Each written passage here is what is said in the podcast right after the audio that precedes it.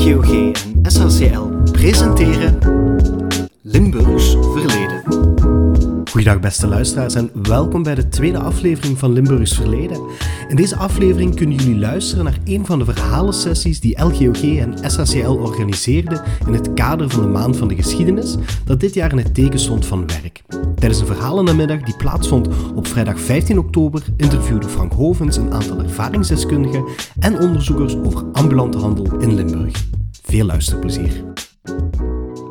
Dit jaar in het kader van de Maand van de Geschiedenis.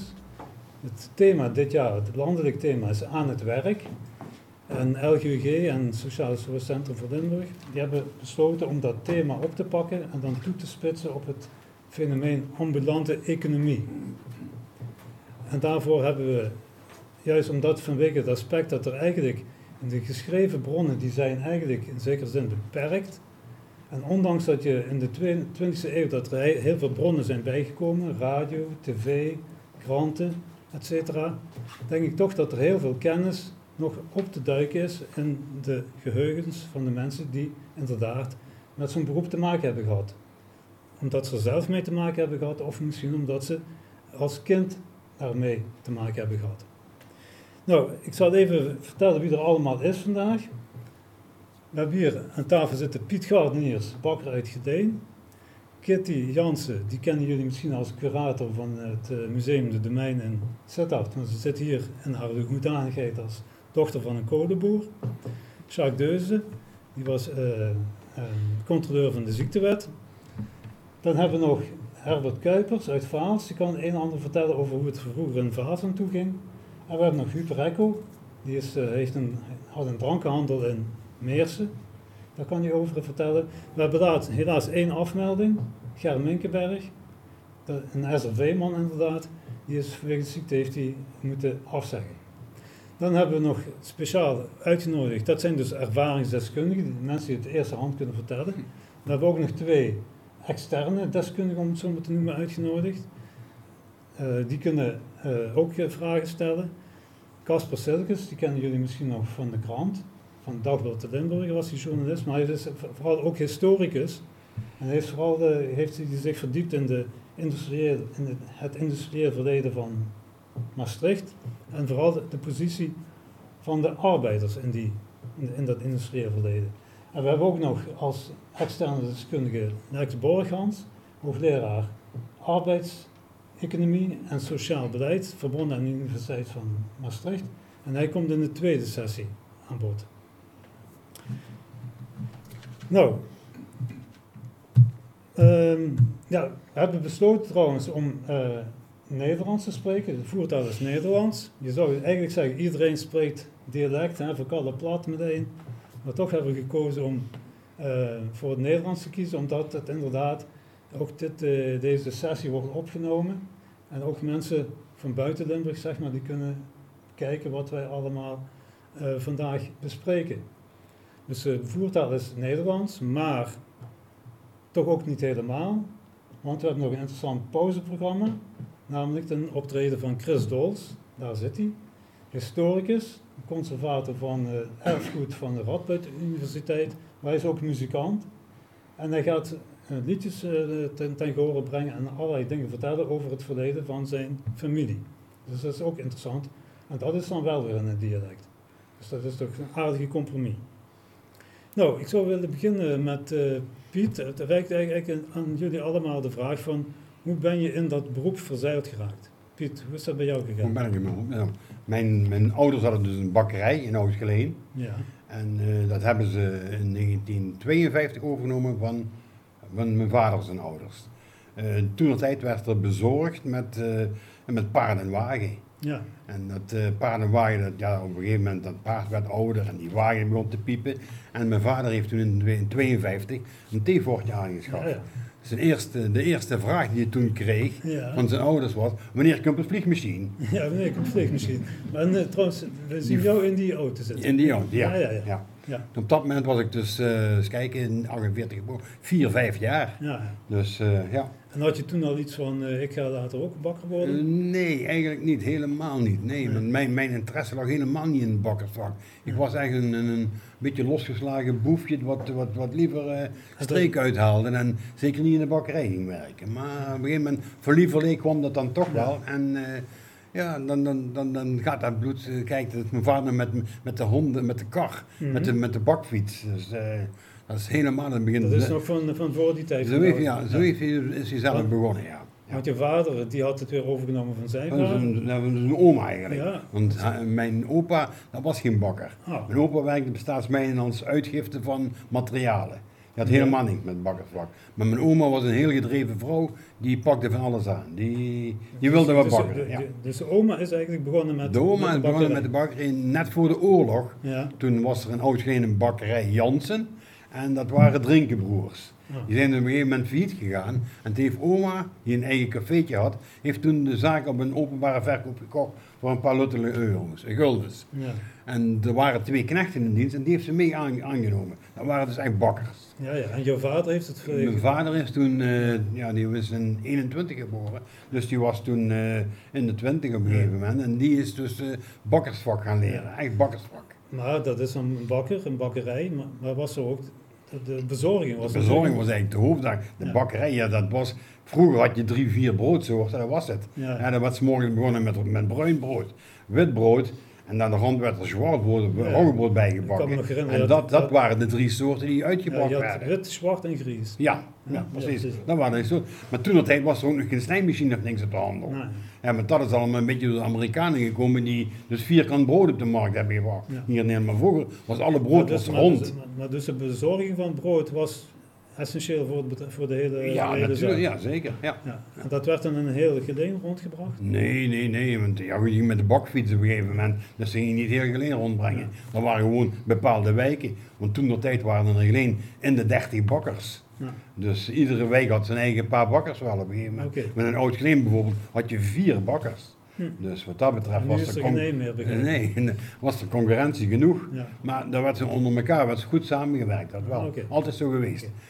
Dus dan is in 52 is er het theevortje gekomen. En dat werd heel snel te klein, want ja, het ging gewoon een hele, hele goede hand. Toen is deze jonge man in dienst gekomen, die was 14 jaar, dat is Pierre Habert. Ah. Die is dus in dienst gekomen, die was te lui om te leren op school. En mijn, mijn, vader kwam bij hun thuis in de deur en die had een beetje hulp nodig. Ja. En de Pierre, doe kent dat. En is Pierre bij ons in dienst gekomen en die is uh, bijna 15 jaar in dienst gebleven. Dus eerst in de bakkerij. En dan, uh, dan werd er eerst gebakken van s morgens vier tot een uur of acht, half negen. Dan werd het brood uit de oven, dan werd er een boterham gegeten met brood van gisteren, want verse brood mocht niet. Dan werd er een boterham gegeten en dan werd de, de, de kar op de wagen geladen en dan gingen ze bezorgen. Er waren toen 30, 40, 50 klanten wat je nou langs ging op een gegeven moment. Toen, ja, ja oké. we mogen jou beschouwen als de derde generatie of tweede generatie. Ja, de derde, generatie. Derde is er ook nog een vierde gekomen? Nee, helaas niet. Ik heb één zoon die heeft wel voor bakker geleerd. Maar die heeft op een gegeven moment tegen me gezegd van pa, dat leven wat jij hebt, dat wil ik niet. Ik wil meer vrijheid hebben. Oké, okay, nou, dan komen we nog op terug. Dan ga ik even naar uh, Kitty. Uh, je vader was kolenboer, maar jij bent geen kolenboerin geworden. nee, nee, nee, nee, nee, nee. Maar, oh ja, in, ja. Mijn, mijn uh, familie komt uit Mechelen, uh, uit Schwijberig om precies te zijn. Ja. En dat is bij het uh, ouderlijk huis van, van mijn vader. Ja, en ze hadden berg, zeg maar. dat, dat witte huis, het, ja. ja. je kunt het niet helemaal zien, maar achterdoor, daar stonden aanvankelijk paardenwagen en naderhand de vrachten. Dat is de paardenwagen van mijn opa. -huh. en dus na de oorlog is hij begonnen met, met auto's die hij van de Amerikanen gekocht heeft was een heel ondernemend man. En mhm. al zijn zes zonen, die reden op vrachtwagens op een gegeven moment. En ze hadden aan huis, hadden ze dus, in plaats van beesten in de stal, hadden ze kolen. Ja. Kolen en zand ook. Ja, hier zie je het, er staan de dus auto's. dat is in Mechelen? Dit is in Mechelen. Ja. En op enig moment is mijn vader getrouwd met uh, een meisje van Kirchroa. Ja. En uh, is hij op Spekkelserijde gaan wonen. En uh, van daaruit heeft hij eigenlijk... ja, ook hadden wij thuis kolenhandel. Ja. Maar, maar heeft, hij is niet in de voetsporen getreden van zijn vader weer? Jawel, uh, kijk, uh, zijn vader had dan het transportbedrijf en dat was meer dan alleen kolenhandel. Dus in die schuren daar, daar waren de, zeg maar een soort... Ja, lagers waar dan de soorten kolen, maar vooral ook slaam, hè, de slik uh, lag. Want uh, de mensen uit Zweebrug die kwamen met hun emmertjes en gingen dan bij oma, ja. gingen ze, uh, die was thuis, opa die zat op de vrachtwagen ook, die verkocht dan aan huis. Mm -hmm.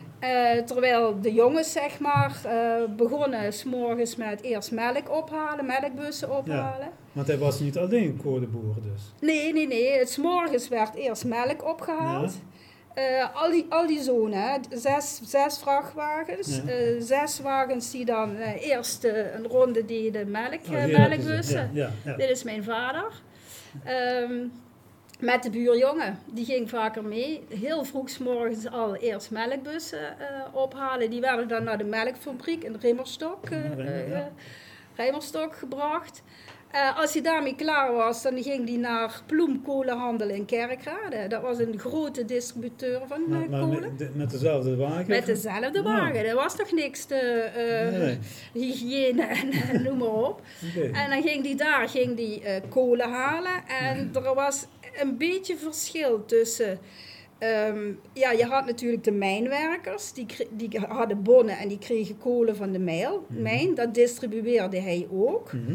Maar hij bracht ook bij de mensen thuis uh, die kolen besteld hebben bij opa, zal ik maar zeggen, op Zweebrug. Want oma die zat de hele dag aan de telefoon. Ja. Van, uh, waren ook een van de eerste die telefoon hadden.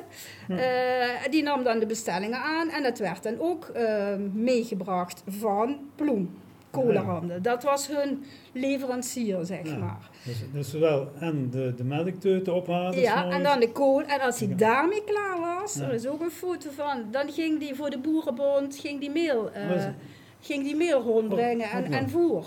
Voor, voor de beesten. En hij sliep ook nog? Of, uh...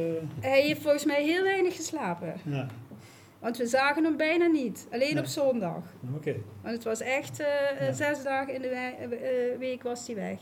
Mm dus. Ja, trouwens, als jullie onder elkaar vragen willen stellen, en ook het publiek eventueel, maar dat kan ook achteraf, dan, uh, dan is er ook gelegenheid voor. Hè? Jacques, uh, als ik naar jou kijk, uh, ik denk niet dat, dat, jij, jij was ziektewetcontroleur, ik denk niet dat jij het beroep van je vader hebt overgenomen. Nee, nee, nee, ik ben in 1971 in de sociale verzekering terechtgekomen ja. bij de Raad van Arbeid. En ik deed toen afdeling kinderbijslagwetten. Ja. En uh, daarna via diverse gemeentes uh, als maatschappelijk werker uh, ben ik terechtgekomen bij de Stichting Sociaal Fonds Bouw Nijverheid. Mm -hmm. We hebben hier als, het ja, van. Als ziektewetcontroleur. Ja. ja. de benaming was eigenlijk rapporteur, want we deden niet alleen de ziektewet. Mm. Maar de hoofdmoot was ziektewetcontroles. Ja. En uh, die, ja, die controleursfunctie zoals die, ik die toen in, uh, uitvoerde, die bestaat op dit moment niet meer. Ja. Dus het is eigenlijk vrij, nog vrij recent, dus 25 jaar geleden dat dat af is geschaft. Ja. Um, maar ik kwam dus uh, bij de mensen thuis uh, als er een ziekmelding was gekomen bij de Sociaal Fonds Bouwnijverheid. Je had verschillende soorten ziektewetcontroleurs. Bij het GAK, uh, Bedrijfsring voor de Gezondheid, mhm. DTAM, et cetera. Wat nu allemaal ondergebracht is in het UWV. Ja. En ik zat dus bij de, de, mensen uit de bouw, metselaars, timmerleden, dakdekkers, ehm, wegenbouw. En als er een ziekmelding kwam nou, dan ging ik diezelfde dag of hm. uh, de dag daarna bij die mensen thuis. En uh, dan nam ik de gegevens op ja, wat, er, wat de klachten waren. Hm. En we werden dus eigenlijk ook lekencontroleurs genoemd. Want we waren geen arts. was geen arts, nee. Dus, Maar we moesten wel opschrijven wat de hm. mensen ons vertelden, wat ze mankeerden. Maar na verloop van tijd ja, kreeg je toch wel wat ervaring in de ziektebeelden. Ja. En waar je dus ook een uh, opleiding voor had gekregen van uh, nou, wat zijn kenmerken, uh, kenmerken van bepaalde ziektebeelden. En wat gebeurde daar dan mee als je die... En dan nam je, en wat, je had eigenlijk twee petten op. Je was, de ene kant was je controleur, maar de andere kant zorg je ook voor de gegevens dat die mm. mensen een ziektewetuitkering kregen. Okay. Want dat hing er natuurlijk aan vast en dat was natuurlijk erg belangrijk dat dat goed gebeurde en dat de mensen dus op tijd hun geld kregen. Mm. En dat was voor uh, 80% was dat allemaal uh, ja, bijna routinewerk na verloop van tijd. Mm. Maar die 20%, ja, dat was het, uh, het, het, het leuke werk. Ja, ja. Maar ik kan me voorstellen, kijk bij, bij Piet en bij de vader van. Kitty, dat dat was ook fysiek heel zwaar. Ja. maar, bij jou was het misschien minder zo. Het was fysiek niet zwaar, maar, maar je moest wel heel veel rijden, want je moest ja, heel okay. afleggen. Ja. Maar ik dat was uh, psychisch belastend. Psychisch belastend. Ja. Want je had, uh, wat ik zeg, net die 20 procent. Ja. Uh, die 80% was ook leuk, ja, zonder meer. En, maar die 20% ja, daar had je de confrontatie vaak. Van mensen die niet ziek waren, die, waar niet vastgesteld kon worden, is hier wel sprake van een ziekte of gebrek. Mm. Arbeidsconflict bijvoorbeeld. Hè, daar hadden ze ruzie met de baas en dan melden ze zich ziek. En de belde de baas op, die is niet ziek. Ja, die wil alleen het werk niet uitvoeren wat ik heb opgedragen heb. Maar je werd ook niet altijd uh, hartelijk ontvangen, denk ik? Of, uh... nee. Dus die, van die 20% die zagen joh, daar niet graag komen, want ja, dan moesten ze ja, figuurlijk met de billen bloot. Ja. Want dat, de doorvragen, dat, ja, dat leerde je wel. En je zag ook wel in het eerste moment van, ehm, hier is wat aan de hand. Mm ja, ja. Hier is geen sprake van, uh, van ziekte. Nee, nee. Ja, en dan had je contact dus met de verzekeringsarts. Of je stuurde hem direct door, of je besprak het diezelfde middag of die volgende ochtend. En uh, ja, en dan had je, uh, en dat was altijd uh, het spannende van wat, kom, wat zit er achter de deur? Wat zit er achter de ah, voordeur? Waar kom je, wat kom je tegen? Maar heb je daar bijvoorbeeld een opleiding voor gehad? Om ja. met dat soort situaties om te gaan? Ja, ja we hebben agressie, training in agressie, omgaan met agressie. Ja. en wat ik zei, dus die ziektebeelden. ook ja, wat, wat, is, wat is wel, wat kan er wel kloppen, wat kan er niet kloppen? Medicijnen bijvoorbeeld. Ja.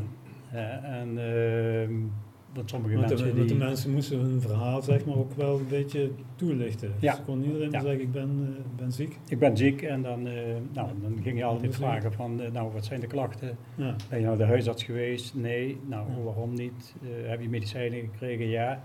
Nou, mag ik de medicijnen zien? Nou, en dat noteerde je, maar ja, soms dan zag je dus dat de medicijnen al een jaar oud waren. En, uh, dus dat hier klopt het niet. Ja, of je, er lagen verkeerde medicijnen, die waren van de vrouw. Ja. Okay. Tegen menstruatiepijnen. En, uh, ja, ja, dan, uh, en dan, ja, dan kreeg je de reactie, oh, dan heeft mijn vrouw de verkeerde medicijnen neergelegd. Ja, ja. ik zeg, maar jij bent toch naar de huisarts geweest? Ik zeg, jij hebt toch de medicijnen gehad? Nee, dat doet de vrouw altijd. Nou, oftewel, uh, de, de, de, ene keer, ja, dat is ook een van de vele anekdotes van bij een boerderij ja, vooraan bellen, twee grote bouviers. Hm. En ik zeg, ja, maar ik kom niet achterom. Ja, kom maar, die doen niks. Hm. Nou, ik zeg, nee, doe ik niet. Ik zeg, dat risico neem ik niet. Nou, toen kwam, die, kwam hij zelf naar buiten toe, de arm in het verband. ik zeg, en wat is er gebeurd? Ja, die daar, die, die moet je niet vertrouwen. ja, dus, dat is een mooie Ja. En, uh, maar het was elke keer spannend, dus, want je wist niet wat er achter de deur zat. dus je kijkt er ook met veel genoeg op terug, zeg maar. Ja, dat, soms was het heel, ja, heel, vaak heel leuk. Maar ook soms ook heel, uh, heel aangrijpend. En, uh, ik was zelf va net vader geworden. en uh, ja, toen ging je bij de volgende, net twee weken thuis geweest, genoten van het vaderschap zijnde. Hmm. En je ging de volgende controle en je kwam daar thuis. En er was een kindje doodgeboren. Ja, ja. Dus en, je, je, werd toch wel geconfronteerd met, met, met, met veel ja, zeg en, toen, en toen was bijvoorbeeld kanker in, uh, in de jaren, uh, eind jaren 80, begin jaren 90 was mm. kanker. Ja, dat was, als ze dat bericht had gekregen, was het afgelopen. Mm, mm, nou ja, daar kwam je tegen en dan kwam je thuis in, uh, in de woningen en er zat dan de hele familie. Ja. Trof, je ook, trof je ook wel eens mensen aan die niet thuis waren? Ja. En, en wat, wat, wat gebeurde dan? Ik bedoel, ging je dan in de omgeving vragen van Weet u waarom die niet thuis is? Was er dan sprake van mogelijk zwart werk? Of, of, eh? ja. Uh, als mensen die thuis waren, dan uh, kregen ze een kaartje in de bus van ik ben geweest. En je moet je de, morgen, de volgende dag melden. Maar meestal ging je nog één keer terug.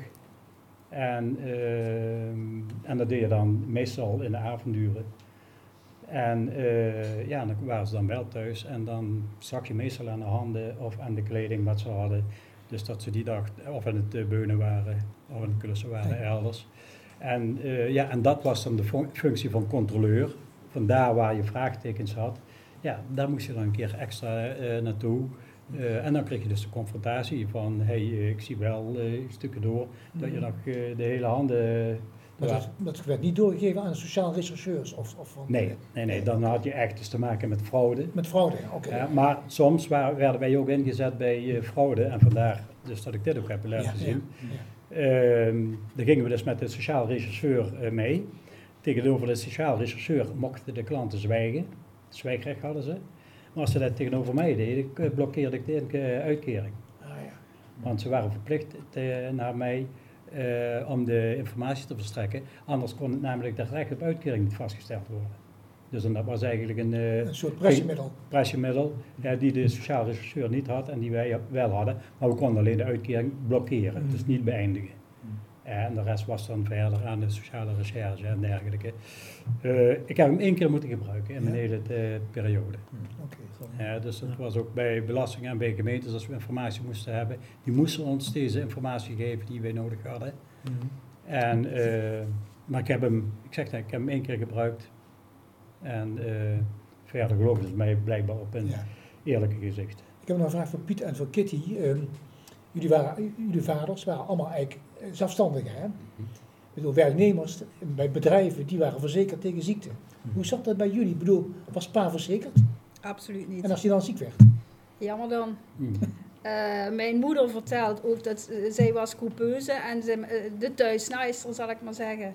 Dus uh, zij ging ook bij mensen aan huis om, om trouwjurken, doopjurken, van al, dat zij meer verdiende dan mijn vader. Mijn vader kreeg van oma, die goed op de centen lette, kreeg die 60, euro, 60 gulden per maand. en dan heb ik het over begin jaren 60. Dus uh, zij verdiende vaak meer dan mijn vader. Ja, opmerkelijk. Ja, en ze is ook heel lang is ze dat blijven doen. Ja, op een gegeven moment, uh, we zijn met vier thuis, dus we waren er bovendien... Uh, mijn oma en opa hebben op een gegeven moment in 1972 hebben ze elke zoon hebben ze een vrachtwagen gegeven om daarmee een eigen bedrijf te starten. En ehm, ja, mijn vader zat dus uh, in Kerkrade, Spekkelterheide. En hij is zich toen helemaal gaan toeleggen op de wegenbouw. En dat bedrijf dat, dat is heel snel gegroeid van één auto naar... Uh, op een gegeven moment hadden wij twaalf auto's die in de wegenbouw zaten. En elke zoon heeft zo op zijn manier... Er is, ik heb nog een neef die heeft een heel groot internationaal transportbedrijf maar er is ook een, neef die, die heeft één kraanwagen en die is klein gebleven en die doet vooral waterschap, uh, dat soort uh, zaken. Dus heel uiteenlopend. En Piet, hoe zat dat bij jouw vader? Mijn vader was ook niet verzekerd. Nee, dat was, en als hij ziek werd, wat gebeurde dan? Nou, dat werd, die, die mocht niet ziek worden. Nee, mocht niet, nee die mocht gewoon niet ziek worden. Want er was gewoon geen geld voor iemand te verzekeren. En want dat, dat verzekeren, van, ja, dat was gewoon duur waarschijnlijk in die mm. tijd. Was ook duur. En dat, uh, dat zat er gewoon niet in. Want het brood kostte toen de tijd uh, iets van 20 cent. En dan dus, moesten jullie als kinderen, als pa ziek was, nog wat harder werken. Dat kan ik mij niet zo herinneren. Mijn vader die heb ik nooit als ziek. Als ziek die was nooit ziek. Uh, als hij een keer zich niet lekker voelde, dan werd er een cognacje of zoiets gedronken. En dan werd er, en dan werd er, toch, dan werd er toch de straat op gegaan. Want die mensen die moesten, moesten brood krijgen. Dus, ja, ja. Ik herken dat wel, bij mij thuis, bij mijn vader was ondernemer. Die had ook altijd iets van, mocht niet ziek worden, want uh, dat kostte geld. Hè? Ja, precies. Ja. Nou ja, ik ben ZZP'er eigenlijk. Ik, ik heb hetzelfde. dus ik kan niet ziek worden. Maar trouwens... Uh, begon er al over. Het is wel interessant van, we hebben het dan nu over de kostwinner de hele tijd, maar er zat een heel gezin omheen. Hè? Was, was er, uh, er was ook een soort taakverdeling. Deed moeder bijvoorbeeld de administratie of uh, de, de, kinderen hielpen mee. Nou, bij ons thuis dus, uh, dat was echt mijn vader en moeder die werkten. En wij als kinderen, ik heb dus een broer en nog een zus, we werden eigenlijk ja, nooit, nooit in een bedrijf betrokken. Af en toe, als vader terug van de route kwam, dan was de oven gedeeltelijk afgekoeld en dan moest er cake gemaakt worden bijvoorbeeld. En dan moest je, Piet, dan, dan kom je zeker even wel met die cake maken. Dat was wel het geval. Ja. Uh, Woensdagsmiddags kan ik me goed herinneren, dan, uh, dan werd er op een gegeven moment, was de, was de route korter en dan werd na de route werden er knapkoeken gebakken en zoiets allemaal. En dan was er natuurlijk feest met die knapkoeken. Die moesten ook ingepakt worden in pakjes van zes. Hm. Nou, dan nodigde ik mijn vrienden uit en we gingen knapkoeken inpakken. Maar er bleven weinig, weinig koekjes over. Maar het was dus niet zo dat de kinderen echt betrokken werden in het... nee, maar ik mag, nee, maar ik mag er niet over mopperen, nee, inderdaad. Dat, uh, maar als je dan naar de rand gaat luisteren... Uh, we zijn toen in 62 verhuisd van oud geleden naar Pastoor ja. naar een iets groter pand. En toen werd het bedrijf wat snel groter ook. En toen moet die druk groter zijn geweest. Maar ik was toen op dat moment 13 jaar. En uh, nogmaals, wat ik net al zei, ik ben altijd een beetje belhamel geweest. Uh, ik had mijn opleiding in Heerlen wel af, mijn bakkersopleiding. Maar toen was een Heerlen was een, een, vrij strenge leraar. En die zei tegen mijn vader, je moet Piet niet thuis nemen, want dat wordt niks. Toen had hij, ik heb een heel goed adres voor Piet en dat is in Brabant.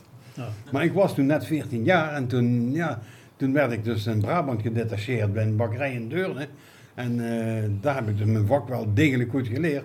En ook met mijn streken afgeleerd. Dus, uh, want daar werd echt hard gewerkt. Die bakker in Deurne, die heeft je zo gekneed. Die heeft me gekneed. En dan denk ik, en, iedere dag dat ik een bakkerij heb, heb ik altijd in die man gedacht. Ja. Want dat was echt een, een broodvakman, dat was gigantisch. Ja. Ik vind dus dat heb ik echt veel geleerd. Kenmerkend voor familiebedrijven zie je heel vaak dat zonen die dan geacht worden de pa op te volgen, mhm. dat die bij een bedrijf buiten de familie zeg maar in de leer, in de leer gingen om daar het vak, om daar het vak te leren. Ja. ik heb er heel veel geleerd en, en ook uh, het assortiment heel snel leren uitbreiden.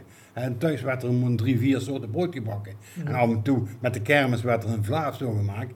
Maar dat was dan heel beperkt. Maar dan kom je in Brabant in een groter bedrijf. En dan leer je ook ja, veel breder assortiment, grotere partijen. Waardoor je product uh, gewoon goedkoper gaat worden. En zo is het allemaal. Dat heb ik dus heel, heel goed geleerd. En ook meegenomen. Jullie brachten brood rond in, in, in, in, in Geleen, hè? Ja. ja.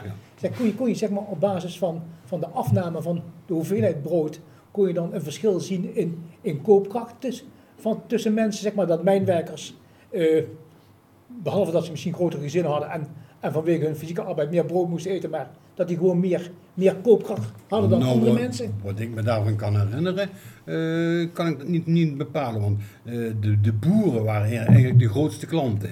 Die hadden meestal ook het grootste gezin. En daar ging je met vijf, zes broden tegelijk naar binnen toe. Dat waren de grote klanten. De mijnwerkers die hadden een, een heel leuk ding. Die kregen bijvoorbeeld één keer per maand kregen die centen. Dat kon je goed merken. Op een gegeven moment kregen ze een loonzakje. Dan moest je iedere dag wat ze kregen opschrijven. En op het laatste van de maand werd dan afgerekend. Mhm. En dan was bijvoorbeeld, het bedrag was dan misschien 60, 70 gulden. En dan hadden ze 75 gulden in de, in de, in de portemonnee zitten. Zeiden, voor die 5 gulden heb je dan nog een flaveur. Ja, op die manier ging dat dus. Dat, uh, werd, er nog veel op, op werd er nog veel Echt op de pof, ja, zeker. Ja. Dat is altijd... bij kolen ook zo? Ja, ja, ja, ja, zeker. Dus langs de deur was het Dat ging altijd goed met op de pof? Ja, dat, eigenlijk wel. Ja, je kende de pappenhemers. Ja, ja, bij ons ook wel. Ja, dat was wel bekend. Wat deed je dan als mensen, als mensen dan uh, nalatig bleven met betalen? Nou, mijn vader was een beetje, een beetje forse man en die, die, die kon goed hard praten. Dus dat scheelde meestal. Dat was voldoende. Dat was meestal voldoende, ja. Mensen, ik heb er nooit geen negatieve bericht over gehoord, nee. Maar Piet uh, en ook Kitty trouwens, van, uh, wat was de rol van moeder in, de, in, in het hele bedrijf? Uh? bij ons in het bedrijf was moeder echt moeder. Hè. Die, die beschermde dus ons als kinderen heel goed. En de administratie deed ze mondjesmaat, maar was eigenlijk zondagmorgen werk voor een pa. Want pa, moeder mocht niet weten wat pa de beurs had. Dus dat was bij ons... Uh... Ja, bij ons is niet. Nee, bij absoluut was het anders, Nee, nee, nee. Mijn, mijn, uh, ja, mijn vader heeft tot zijn, denk ik, 45, nee, 50ste uh, eh, zelf gereden. Mijn moeder moest altijd thuis zijn, thuis zijn aan de telefoon om de bestellingen aan te nemen of want uh, de kolenhandel is gestopt toen de mijnen dichtgingen. Mm -hmm. uh, twee, uh, 72 is hij uh, voor zichzelf begonnen en dat was tevens het einde van het hele kolenverhaal. Dus, um, uh, en maar mijn moeder moest thuis zijn, ook voor uh, ja, een emmertje zand of noem maar op. Uh, en maar vooral ook voor die telefoon om uh, vrachten aan te nemen. Hmm. En mijn moeder die heeft dus op een gegeven moment ook een boekhoudcursus uh, gevolgd, avondschool, hmm. in 1968, want ze was zwanger van, van mijn zusje. die tien jaar later kwam. en, maar in elk geval, die heeft altijd de boekhouding gedaan. En die was de secretaresse. En inderdaad, als er mensen die betaalden, dan was zij degene die, uh, die daar wel eens even langs ging. Uh, om te vragen hoe zit het en zo, weet je. En nou, op enig moment heeft mijn vader een, een hartinfarct gehad, rond zijn 50 zo'n beetje. ja, toen was pa thuis en dat was allemaal heel erg uh, van... Ja, toen werd ik ingeschakeld. Ik heb menige facturen getypt hmm. en, en moest ook aan de telefoon zitten als ik uit school kwam, weet je. Ja, je werd gewoon ingeschakeld. Dat is eigenlijk een heel leerzaam ja, traject geweest. Ja. Uh, nou ja, inderdaad, je leert wel. Want ik moest toen op een gegeven moment ook een, een, ook een boekhoudcursus, een secretaresseopleiding, want het bedrijf was gegroeid. En mijn vader dacht ook zo, dat ik, ik was de oudste, dat ik het bedrijf zou overnemen. Ja. Maar ik had echt snel zoiets van, uh -uh, dat gaat hem niet worden. Ik ga studeren. ik, wil, uh, ik wil hier weg. Dus, en dat vond hij ook wel heel erg leuk. Mijn moeder was er een beetje, hoe moet ik dat zeggen, die was er een beetje knorrig over zo. Want die zag meteen dat, dat haar hulp ook naar de kleinere kinderen toe opeens weg was. Mm. mijn vader vond dat eigen gereden, wat hij zelf trouwens ook was dat vond hij hartstikke leuk en die heeft mij ook altijd gestimuleerd om te studeren en, en echt iets anders te gaan doen. Ja. Maar bij jou was het uh, waarschijnlijk anders. Je, of nam je, je je verhaal of je ervaringen mee naar huis en had je het daar met je vrouw over? Of? Uh, ja, soms wel, soms niet. Want je hebt toch met uh, heel veel privézaken te maken. Je kon niet altijd alles vertellen. Nee. Maar je was wel alleen en uh, op pad de hele dag. Ja. En uh, ja, soms was er wel een keertje in de auto van, dit, uh, nu moet ik naar de volgende. Je, had wel collega's, iets en, Maar de volgende dag zat je weer met de collega's bij elkaar. En dan wisselde je verhalen en je ervaringen uit. Ja. En ja, en we vervingen elkaar ook bij ziekte en dergelijke. Dus je had een, je had een eigen rayon. Ik had Midden-Limburg. Mm. Maar ik moest ook naar Noord-Limburg af en toe. Ja, dus, Als een eh, collega ziek was, dan ja, ja. ja. dus we hadden echt een heel eh, team van vijf mensen en dat was echt een hecht team ja. met de chef erbij. En uh, als we problemen hadden en, uh, en of, of ervaringen hadden die je wil, graag wilde delen, dan kon dan gewoon elke morgen, kon dat voordat je, of je besprak het met de verzekeringsarts, mm. waar je elke morgen bij, bij zat. Mag ik even vragen, ik bedoel, het Sociaal Fonds Bouwnijverheid controleerde zeg maar, of mensen ziek waren, hè? Maar hoe zat het naar werkgevers toe? Hadden jullie daar ook een taak? Ja. Dat, waaruit bestond die? Uh, dat soms kregen we ook uh, ziek, uh, een telefoontje van de werkgever van nou ga daar eens even naartoe want ik vertrouw het niet. Nou, dat werden dan de zogenaamde spoedcontroles. Mm -hmm. En hadden, jullie, hadden jullie ook een taak zeg maar, als werkgevers in gebreken bleven met, met, het, met het betalen van premies of zo? ook maar dat was niet de taak eigenlijk van de ziektewetcontroleur. Dat was de, een andere taak die ik had. Nee, dat was een andere taak die we erbij hadden, dus als rapporteur. Uh, Want in de bouw zaten natuurlijk toch altijd de nodige kooiboys, hè? Ja, en dat was dus ook een van de zaken bij de ziektewetcontroles. Uh, als het werk bijvoorbeeld niet uh, vooruit kon, regenachtig weer, dan, ja, de wegenbouw kon bijvoorbeeld niet verder. Dan zag je op een gegeven moment op één dag twintig ziekmeldingen van éénzelfde werkgever. Dan zeiden die van, ga maar naar huis, meld je maar ziek. En als ze moeilijk doen, dan uh, kom je maar terug. Mhm. En dat had je dus met stucadoors. Als uh, het, het, werk niet vooruit konden, omdat een ander werk uh, was uitgelopen, het stucadoor kon ik vrij, hadden geen niks anders in de planning, meld je maar ziek. Ah, dat waren dan toch wel de bedrijven die de kleinere, de kleinere, Nou, die op den duur wel te, te boek stonden, dus als, als onbetrouwbaar. als onbetrouwbaar maar uh, ja, goed, dat waren die incidenten waar je mhm. elke keer mee te maken had, maar waar je toch eigenlijk voortdurend op, uh, op moest passen. En je had in de tijd ook nog de koppelbazen. Ja. Mhm. En uh, ja, die dan mensen aanmelden en de volgende dag weer afmelden. En ze naar Duitsland lieten werken. Dat speelde nog steeds toen de tijd, want ja. het heeft vanaf de jaren 60 ja. in Limburg een enorme trek richting Duitsland. Ik, ik, ik, heb, ben dat voor het eerst tegengekomen, dus op Raad van Arbeid, waar ik toen werkte bij de kinderbijzigwetten dat er dus uh, werkgevers uh, de kinderbijslagformulieren aanvragen aftekenden die niet bestonden. Dat waren de zogenaamde koppelbazen. En dat heeft dus voortgeduurd tot, uh, ja eigenlijk, eigenlijk nu. Het, het, gebeurt nog steeds. Maar die koppelbaas, dat was eigenlijk een vorm van, ja, ik, mensenhandel was dat een te groot woord? Nee, dat, mag je, hmm. dat, dat was best, uh, mag je best zeggen. En dat gebeurt nu, nu nog vaker. Nog, ja. en, uh, en het gevaar wat de mensen liepen, en dat beseften ze zich niet altijd, was dat ze op het moment aan, de uh, aan het werken waren in Duitsland, dat ze niet verzekerd waren. En ik heb één geval meegemaakt, dus dat iemand in Duitsland voor de steiger was gevallen, dwarslezen had afgelopen, hmm. in Keulen in het ziekenhuis lag. En niet naar Nederland vervoerd kon worden voordat ze 50.000 gulden op de tafel kon, uh, legden. Want die operatie had plaatsgevonden, de, de, het vervoer moest plaatsvinden, de opname hier in Nederland moest plaatsvinden. En uh, die heeft dus zijn eigen huis moeten verkopen wat hij zelf gebouwd had. En uh, ja, dat, dat is echt pure ellende. En uh, daarna kwam je dan weer bij die mensen thuis, want we deden ook de vooronderzoeken voor WHO, als mensen in de WHO gingen destijds. En dan kwam je weer bij die mensen thuis, moest je looggegevens opgeven, et cetera. En dan, ja, dan zag je de ellende. Ja. En, nou zeg je zelf de WHO, maar de WHO werd vanaf de jaren 80, en Lubbers heeft daar op een gegeven moment een groot punt voor gemaakt, van bijna hadden we 1 miljoen arbeidsongeschikten eind jaren 80, begin jaren 90. Hmm. Maar de WHO werd zowel door uh, de vakbonden, maar ook door werkgevers vaak gebruikt als een soort, als een soort ik noem maar afvoeringsregeling. Ja, ja. ja. ja. klopt. Ja. Nou, Jacques, ja, dit is een duidelijk district, hè, Midden-Limburg en Noord-Limburg, was hmm. omschreven, duidelijk omschreven. Hoe was het bij, bij jou, Piet? Had je, je moest een vergunning hebben, neem ik aan? Nee, nee. Helemaal niet? Dat was toen helemaal niet nodig, nee. Was, dus de hele periode dat Er was alleen een, een, vakdiploma nodig en dan mocht je dus bakkersvak uitvoeren. Echt een vrij beroep? Dat was helemaal vrij, ja, zonder meer. Nou, uh, dus een, we hadden ook geen bepaald district waar we, waar we mochten bezorgen. Ja. En dan wel onder elkaar met de bakkers wel ja, een, een beetje geregeld, dat wel. Dus, uh, dus je, had, je, je, je, concurrenten waren ook je collega's? Ja, zonder meer. Ja, ja natuurlijk. Ja. Tenminste, zeker in het Geleens hadden we daar een hele goede band mee onder elkaar.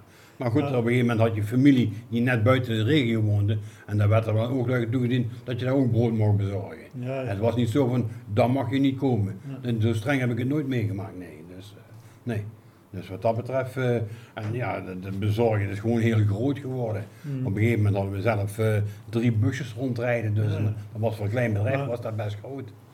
Dus, maar werd je niet ook op een of andere manier gecontroleerd? Al was het maar door de voedsel... Uh, nou, door de waren, de warenwet, ja, natuurlijk. Maar dat werd meer op de kwaliteit van het brood en op de ingrediënten werd dan gelet. Maar zeker niet op, uh, op de bezorging of zoiets. Nee, Dat uh, was nooit geen controle over geweest. Dus jullie hadden dan drie bezorgers in dienst? Ja. ja. ja en die, die konden een eigen weg gaan of een eigen gang gaan in zich ja, ook, ja, eigenlijk, ja, toen de tijd waren we drie bezorgers wel. Toen waren de bakkers waren toen een beetje uit, uitgedund al, hmm. gedeeltelijk. En toen is er geleden bijvoorbeeld de coöperatie gekomen, de ODB. En die, die nam op een gegeven moment een heel groot stuk van, van de mijnwerkers mee over. Hmm. En dan was het de kunst om dan net te, te, te, dat tussendoor tussen de maas en de wet die klant is voor mij, daar blijf je even af. Die bezorg je extra goed. En, en, hoe, en hoe was het contact met de klanten eigenlijk? Heel sterk. Eigenlijk heel sterk. Dat was eigenlijk een familiebond. Want de meeste, ja, bellen aan de voordeur gebeurde, gebeurde eigenlijk niet. De deur stond open of je ging achterom. En soms keek je gewoon in de broodtrommel. Oh, wat hebben ze nog een brood liggen? Dat en dat. Leg ik dat en dat erbij.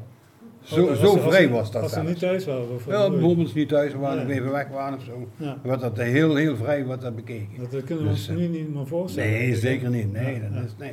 Want nee. Uh, eigenlijk hadden jullie een heel florerend bedrijf, hè? Best wel, ja. Ik ben ook van geleden, jullie kwamen ook bij ons aan de deur. Mm -hmm. Ik kan me nog Kees herinneren. Ja, dat is de bezorgers. Ja, ja, natuurlijk, ja. En, uh, um, ja, wat wil ik zeggen? Um, um, over die afkalving, over de ja, bescherminggebied. Nou, nee, nee, maar hoe is het? Uh, ja, dus het was een heel florerend uh, bedrijf, maar mm -hmm. het is mhm. toch een einde aangekomen. Er is helaas een einde aangekomen, maar dat heeft toch wel verschillende oorzaken. Ja. Gelukkig geen financiële, maar dat heeft gewoon de oorzaak dat de mensen gewoon op het eerste wat ze gezinnen werd een stuk kleiner. Ja. En de mensen gingen veel meer met man en vrouw werken. Mm -hmm. Dus daar werd er niet uit. Dan moest je voor een half moest je gaan. Ja. En dat, dat, dat, dat was niet meer, niet meer rendabel in een Maar vroeger was er altijd iemand thuis, zeg maar. De moeder de. Ja, precies, ja, natuurlijk. Ja, Als ze niet thuis waren, dan wist je... Dan, dan wist je gewoon wat je moest achterlaten, ja, zeker. ja. Piet, um, als ik mijn, mijn vader was middenstander van een bedrijf in Roermond. We hebben ons thuis altijd gezegd tegen de kinderen van... Um, als je bijvoorbeeld snoep wilde kopen, dan ging je, mocht je niet naar de supermarkt gaan. Bedoel, want dat was, oh, nee, dat was de oh, concurrentie. hè? Hoe zat dat bij jou thuis? Oh, heel sterk. Ja, dat, uh, daar kon niet op schieten op de supermarkt. Ja, zeker weten. Mijn vader was er heel erg Dus de gruiter was, de was, was, was taboe? Nou, dat was, uh, als je de naam al noemde, was, daar werd hij al boos. dus wat dat betreft. Maar uh, toen, ja, we hadden dus een, een, vrij groot pand. En op een gegeven moment is mijn tante is naast de bakkerij een winkeltje begonnen. En die is toen tijd aangesloten bij de Vivo. En de Vivo dat was echt een overkoepelende winkelorganisatie. Die mochten voor 60% moesten ze Vivo-artikelen verkopen, maar 40% mochten ze dus zelf invoeren of invullen. Dat was de broden, de bakkerijen en de gebakjes, de linzenstukjes en, en zoiets, knapkoeken, heel beperkt. En ze mochten bijvoorbeeld groenten of beperkt aan soort vlees mochten ze zelf verkopen van de plaatselijke slager en zoiets. Maar dat was dus, dat waren de winkels waar je naartoe moest gaan. Maar dat was ook voor de kinderen op school, was het slokwinkel in de buurt. Mm. dat was heel, heel typisch. Kon je nog voor een cent ja, ja, bijvoorbeeld, ja, natuurlijk. Of uh, ja, noem maar op, de, velletjes uh, suikerpapier of uh, dat, dat soort dingen. Dat, dat werd dus gekocht, ja. Maar, maar de supermarkt, dat was echt... De nee, supermarkt dat, was taboe, hè? Dat was echt taboe, ja. Vanwege de, de, de, de concurrentie, neem Puur van de concurrentie, ja. ja. Want toen de tijd de kost in het brood ging toen richting de gulden. Mm. En een pakje roggebrood 25, 30 cent. Maar de supermarkten kwamen toen nog met, door het grote aanbod, die gingen een brood voor 90 cent verkopen bijvoorbeeld. Ja, dat was nog dan. Ik kan me voorstellen dat vaste klanten, of dat de klanten toch zo aan jullie gehecht waren, dat ze dat op de kop toen namen. Een merendeel van de klanten wel, maar de, heel vele niet. En door het hele vele niet werd je bezorgweg altijd kleiner, kleiner, kleiner. En de omzet ook kleiner, kleiner, kleiner. Terwijl de kosten stegen. Dus dat was op een gegeven moment was dat dus uh, ja, niemand, niemand vol te houden. Ja, en zat, dat, zat dat bij jou, Kitty? Je bedoel, mocht, mochten jullie naar de supermarkt gaan bij, van thuis uit? Of? Nou, er werd toch wel een beetje gekeken.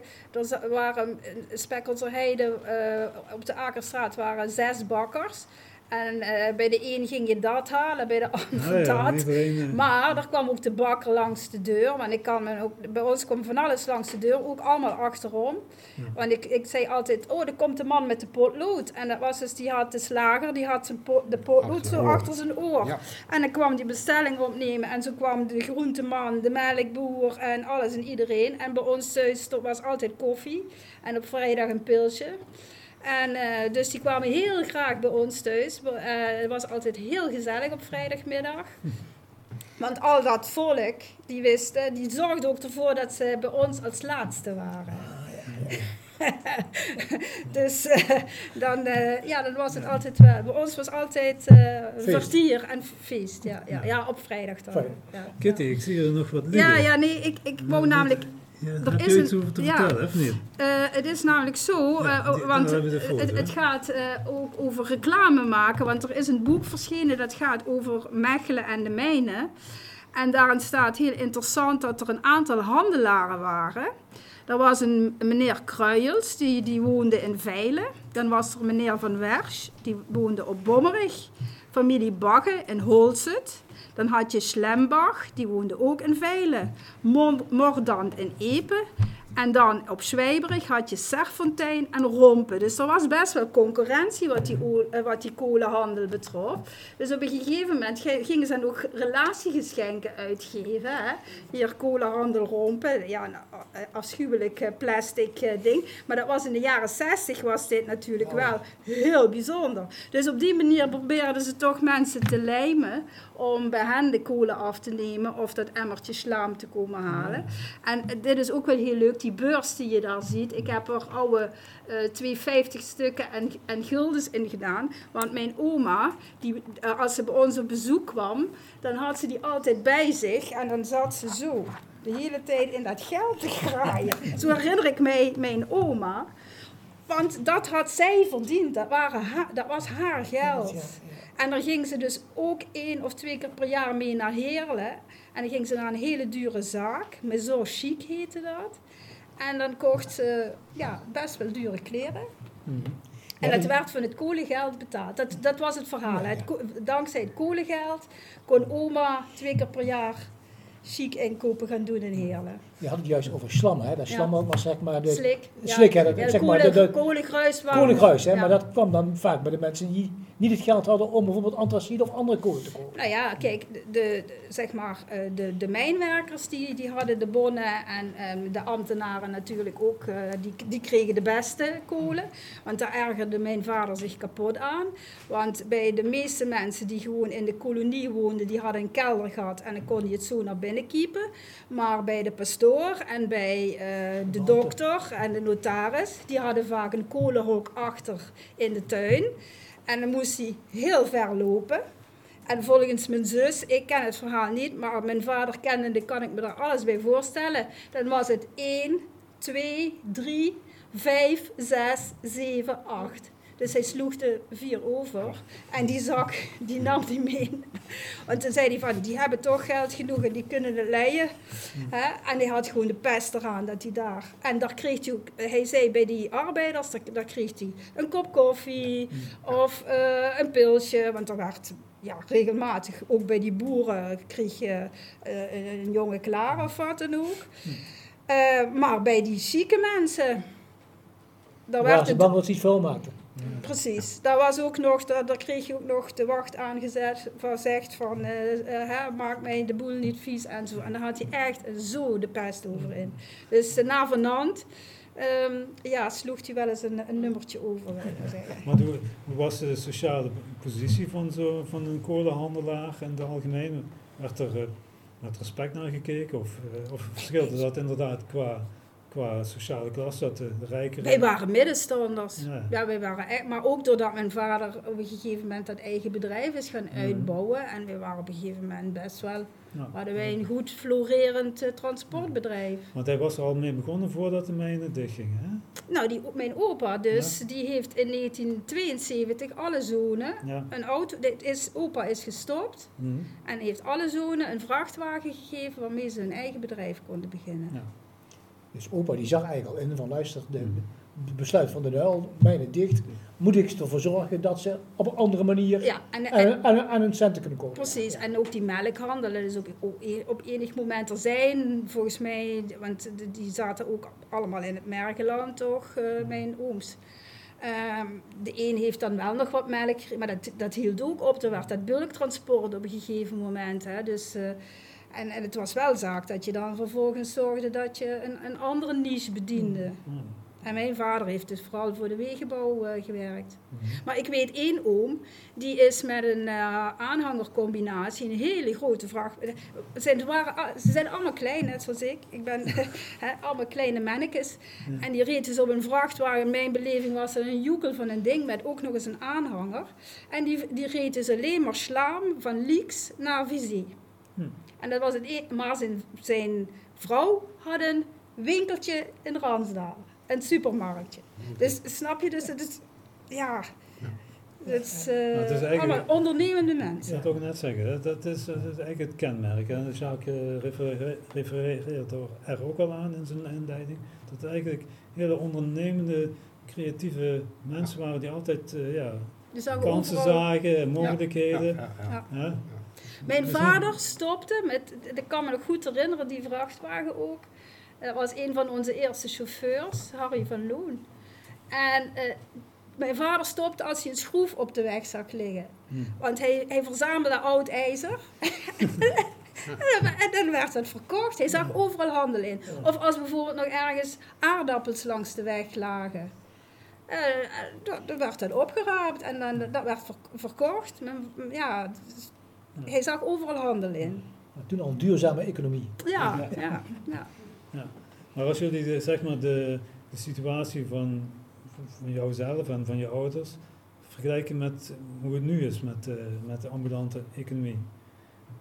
Is dat... Die is bijna stopgevallen.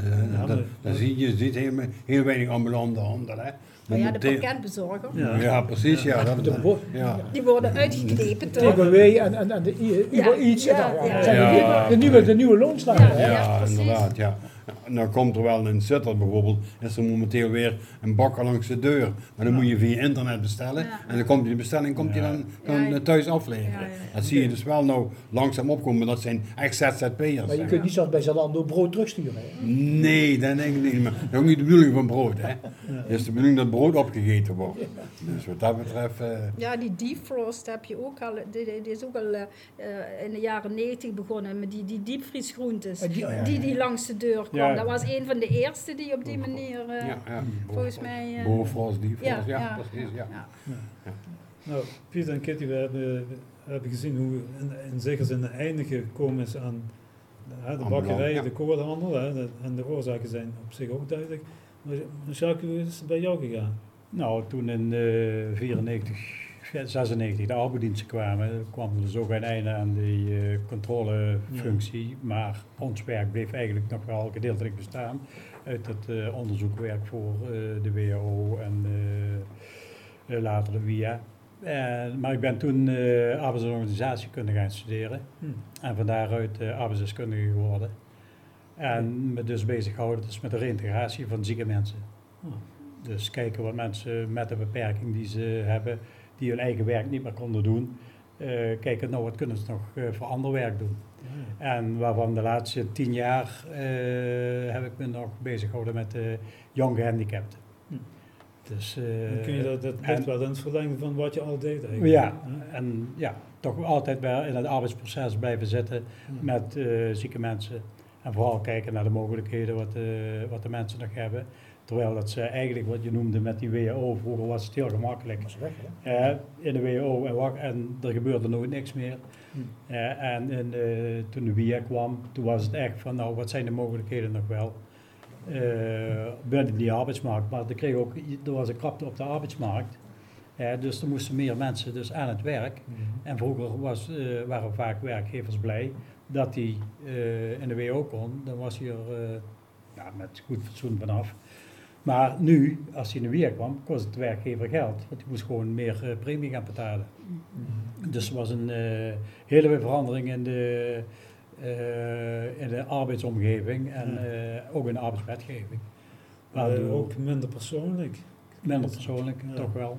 Maar van de andere kant wel intensiever ook naar werkgevers toe. Van uh, ja, wat voor werk, wat voor mogelijkheden heeft deze werknemer nog bij jullie in het bedrijf? Hmm. Kijk eens goed rond. Uh, en als er niks is, nou, waar kunnen we hem dan wel plaatsen?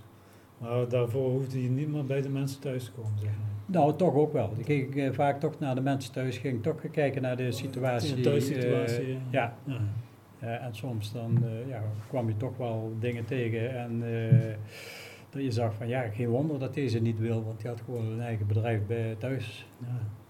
En dan zag je ook dus van waarom dat, uh, het altijd nee was in plaats van ja. Hm. ja. Waarom wil je niet meewerken? Ja, nou, dat was omdat hij dan zijn eigen bedrijf moest opgeven. Hm. Dus er was altijd, toch altijd wel een beetje die controlefunctie, die is altijd wel gebleven, maar niet in die mate toen als uh, ziektewetcontroleur. Uh, en niet meer zo spontaan als uh, voorheen. Als je nou terugkijkt op die periode hè, van ziektewetcontroleur, hoe, hoe kijk je daar tegenaan? Ja, heel leuk. Hele, hele leuke periode gehad, heel uh, spannend. ondanks het feit dat het daar af en toe best wel, uh, dat je trieste gevallen tegenkwam. Mm Maar ja, dat was het leven. Dat, zo, zo, dat maak je nu ook nog steeds mee. En, maar ook voor je persoonlijke, voor ja, je persoonlijke ontwikkeling, om het zo maar te noemen. Ja, ik moet zeggen, ik heb er heel veel leuke herinneringen en ook uh, ook als je nu mensen nog tegenkomt, hè. Ah, controleur. Oh, ja, ja. ja, Maar dus wel zij kennen jou wel waarschijnlijk, jij ja, ik, uh, ik zeg net, ik kwam de mensen tegen en die zeiden dan, uh, ah, controleur. Ik, maar... Dat is hem weer. Geef, ja, maar geef een adres maar en ik weet het huisnummer en BSN-nummer bij wijze van spreken uit het hoofd. Maar zo de gezichten van, ja, je herkent ze wel. En soms is het ook best wel vervelend, want ze groeten ze jou. Mm en dan weet ik echt niet meer wie, wie het is. En, maar dan zeg je dan maar goed, goeiedag. En dan zeg ik tegen mijn vrouw, ik zou het niet weten. ik kan me voorstellen dat je echt ook mensenkennis door hebt opgedaan. Ja. Dat je mensen niet kent. Ja, heel veel. Ja, en Piet, hoe kijk jij terug op je, op je werkzaamheden als bakker? Ik heb dus een, een 77 bedrijf thuis overgenomen van mijn vader. En uh, ja, met heel veel plezier. Alleen toen, toen met de bezorging werd het minder. En dan moest je andere afvoerkanalen gaan zoeken. En dat heb ik gevonden in de horeca. En in banketbakkers waar ik dus brood en broodjes aan leverde. Dat zij zich meer konden specialiseren op patisserie. Mhm. Dat is dus eigenlijk de doel van het bedrijf geworden op een gegeven moment. En tot, uh, tot 2006 heb ik dat met heel veel plezier gedaan. Maar die, maar die thuisbezorging? Dat is uh, langzaam minder geworden. Op een gegeven moment waren er maar twee routes en toen nog maar één route. Dus mijn broer had toen één route, die is dus wel nog iets langer doorgegaan. Die nam bij mij de producten af. Maar hmm. dat is op een gegeven moment ook een aflopende zaak geworden. Hmm. Die is toen zelfs naar Netcar gaan werken, toen tijd, de Volvo. Uh, zelf ben ik toen, hebben we echt doorge, ja, eigenlijk op horeca en op uh, toeleverantie aan bedrijven. En op de goede winkel wat we zelf hadden. Dus wat dat betreft is dat uh, zijn in mijn bedrijf geweest, ja. Maar het bedrijf is opgehouden in 2006, begrijp ik? Nee, ja, 2006, ja. En toen ben jij nog wat anders gaan doen? Nou, mijn, mijn zoon die was inmiddels, uh, die had dus een aantal jaren van tevoren gezegd van pa, joh, dat leven wat jij hebt, dat wil ik niet. Ik ga wat anders doen. Toen zaten we op een heel grote investering, want toen dat tijd kreeg je dus de omgang van het nacht, nachtwerk naar het dagwerk. En dan moest je hele grote koelcellen en zoiets gaan aanschaffen. En daar zat ik een beetje tegenaan tegen. Dat was een hele grote investering, zonder, zonder opvolging eigenlijk. Dus daar zat ik niet aan te gaan. En toen heb ik op een gegeven moment hebben we het geluk gehad dat er een persoon kwam die de zaak, het pand wil kopen. En dan kijken mevrouw en ik elkaar aan en hebben gezegd, ja, deze kans krijgen we misschien nooit meer. Hm. Dat gaan we doen. Hm. Maar toen zat je dus zonder werk in feite. Maar ik heb er bij een aantal collega's nog uitgeholpen en zo. Maar dat is een heel andere wereld dan. Daar ben je geen eigen baas meer. En ik ben een jaar hier in Maastricht terechtgekomen bij een bakker. En ja, dat Maastricht en, en, de rest zijn toch wel een heel aparte wereld op een gegeven moment. Dus uh, wat dat betreft had ik het wel gezien. En mijn zoon had aan de gaten. Die was inmiddels in de taxiwereld terechtgekomen. Die zegt tegen mij, pa, uh, je bent niet meer de gelukkige pa die je was. Heb je geen zin om mee taxi komen te rijden? Taxi rijden, wat staat er nou? Ja, kom maar eens praten. Nou, ben ik naar een bedrijf gegaan, gepraat en dat klikte meteen. En uh, die, zei, die baas tegen mij, als jij kan beloven dat je hier minstens twee jaar taxi rijdt, zorg ik dat jij een opleiding krijgt. Nou, dat heb ik dus gedaan. En dan heb ik uh, tien jaar lang met heel veel plezier taxi gereden. Dus je bent ambulant gebleven? Zeg Ik ben ambulant gebleven, met heel veel plezier. Ja. Dus wat dat betreft, uh, ja. contact met de mensen was Ja, fantastisch. En ik heb heel veel, heel veel zakenritten mogen doen. Naar, naar vliegvelden en zo. Hm. DSM, SEBIC en dat. Ja, was geweldig. Hm. Ja. dus uh, ik kan alleen maar terugkijken, een heel fijn leven. Ja. Dus. En Kitty, eigenlijk een dubbele vraag. Hoe, hoe heeft jouw vader, uh, heeft hij, hij teruggekeken op zijn werkzame leven en hoe kijk jij erop terug? Nou ja, ik herinner me alleen dat het altijd ontzettend gezellig was.